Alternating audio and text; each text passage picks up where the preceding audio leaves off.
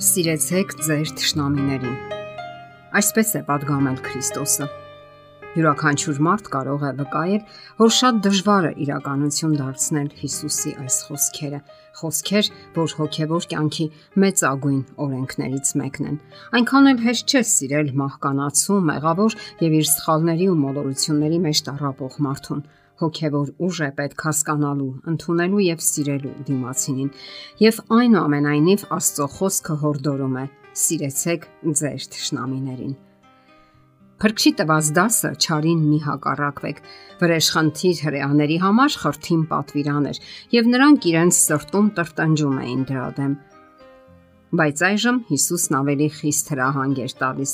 Լսել եք, որ ասվեց, որ քո ընկերոջը սիրես եւ քո ճշնամուն ատես, բայց ես ասում եմ ձեզ, սիրեցեք ձեր ճշնամիներին, օրհնեցեք ձեզանիցողներին, բարի արեք ձեզ ատողներին եւ աղոտ քարեք ձեզ չարչարողների եւ ձեզ հավածողների համար, որ worth-իները լինեք ձեր հոր, որ երկնքում է։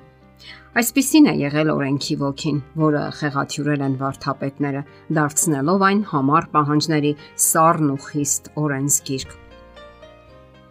որպես Աստծո հատուկ նախապատվությանն արժանացած մարդիկ իսրայելացի ծնվելու նախապայմանով նրանք իրենց մյուսներից ավելի լավն են համարել, բայց Հիսուսը նշեց ներողամիտ սիրո ոգին, որն ունենալով նույնիսկ մաքսավորներն ու մեղավորները, որոնց նրանք արհամարում են, ղեկավարվում են ավելի վեհ շարժառիթով։ Հիսուսը ցույց տվեց ճշմարիտ սիրո էությունը որը ամենից առավել է բնորոշում Աստծուն։ Նա տիեզերքի կառավարչին նոր անունով ներկայացրեց ունկնդիրների արչև՝ մեր հայր։ Հիսուսը կամենում էր նրանց բացատրել, թե Աստված ինչպիսի քնքուշ, սեր եւ կարոտ է տածում նրանց հանդեպ։ Նա սովորեցնում էր, որ Աստված հոգ է տանում ամեն մի կորած հոգու համար, ինչպես որ հայրը կգթա որդիներին, այնպես էլ գթած է Տերը իրենից վախեցողների հանդեպ։ Աստծո մասին այսպիսի գաղափար երբեք չի տրվել աշխարի որևէ կրոնի միջոցով, բացի Աստվածաշնչի կրոնից։ Հեթանոսությունը սովորեցնում էր նայել Աստծուն որպես գերիշխանի, ավելի շատ վախի ու սարսափի մի իրողության, քան սիրո, որպես չարանենք Աստվածության, որին հարկավոր է սիրաշահել ու շողոքորթել, մեղմել նրա բարկությունը զոհաբերությունների միջոցով։ Այսինքն նա այն Աստվածը չէ, ով իր զավակների վրա է թափում իր սիրո պարգևները Նույնիսկ Իսրայել ժողովուրդն էր կույր, որpիսի հասկանա Աստծոց ներշնչված մարգարեների ուսուցումները Աստծո բնույթի վերաբերյալ։ Հрьяաներն այն կարծիքին էին, թե Աստված սիրում է նրանց, ովքեր ծառայում են իրեն։ Նրանց տեսանկյունից դրանք այն մարդիկ են, ովքեր պահում են վարթապետների օրենքներն ու նույնիսկ նրանց հորինած շատ ավելորդ ու անիմաստ հրահանգներ ու պատվերներ, եւ որ աշխարի մնացած մարդիկ գտնվում են նրա բարկության ու անեծքի տակ։ Սակայն Հիսուսը հերքեց նման պատկերացումները։ Ոչ, այդպես չէ։ Ամբողջ աշխարհը, ճարերն ու բարիները Աստծո սիրո լույսով են ողողված։ Այս դասը մենք կարող ենք սովորել հենց բնությունից, քանի որ Աստված իր արեգակը ցակեցնում է ճարերի եւ բարիների վրա եւ անձրև է բերում եւ արթարների եւ անիրավների վրա։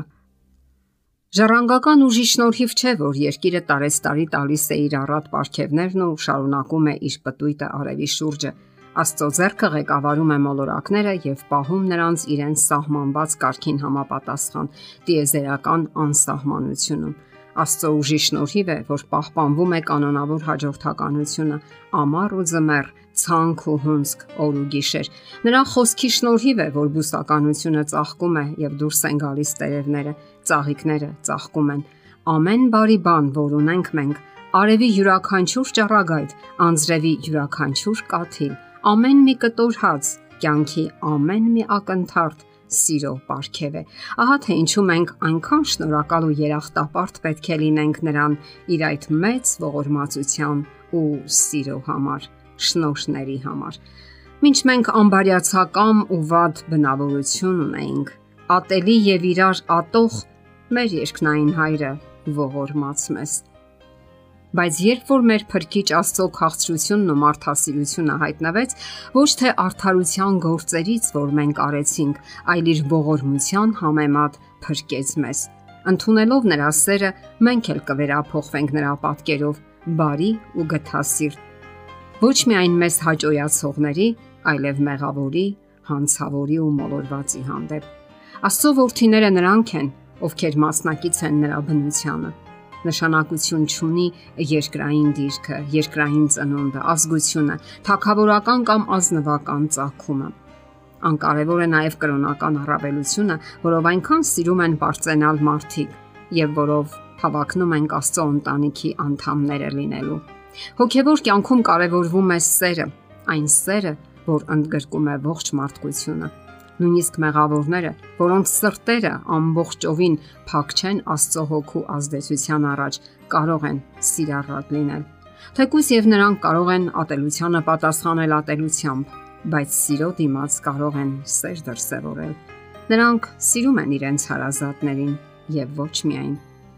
Բազմաթիվ բարեգործական կազմակերպություններ կան, որոնք դավանում են սիրո բարձր սկզբունքներ, սակայն միայն Աստծո հոգին է, որ ապելության դիմաց սերեցուց հավերում։ Սիրալիր լինել ապերախտների ու ճարերի հանդեպ, բարի քանել ոչնչի չսпасելով երկնային վեհության խորհրդանշանն է։ Այն վստահելի չափանիշը, որը ցույց է տալիս բարձրալի ողթիների վստահությունը։ Լինենք սիրող անznավորություններ։ Դա է քրիստոնյայի կանչվածությունը։ Եթերում է ղողանջ հավերժության հաղորդաշարը։ Հարցերի եւ առաջարկությունների համար զանգահարել 033 87 87 87 հեռախոսահամարով։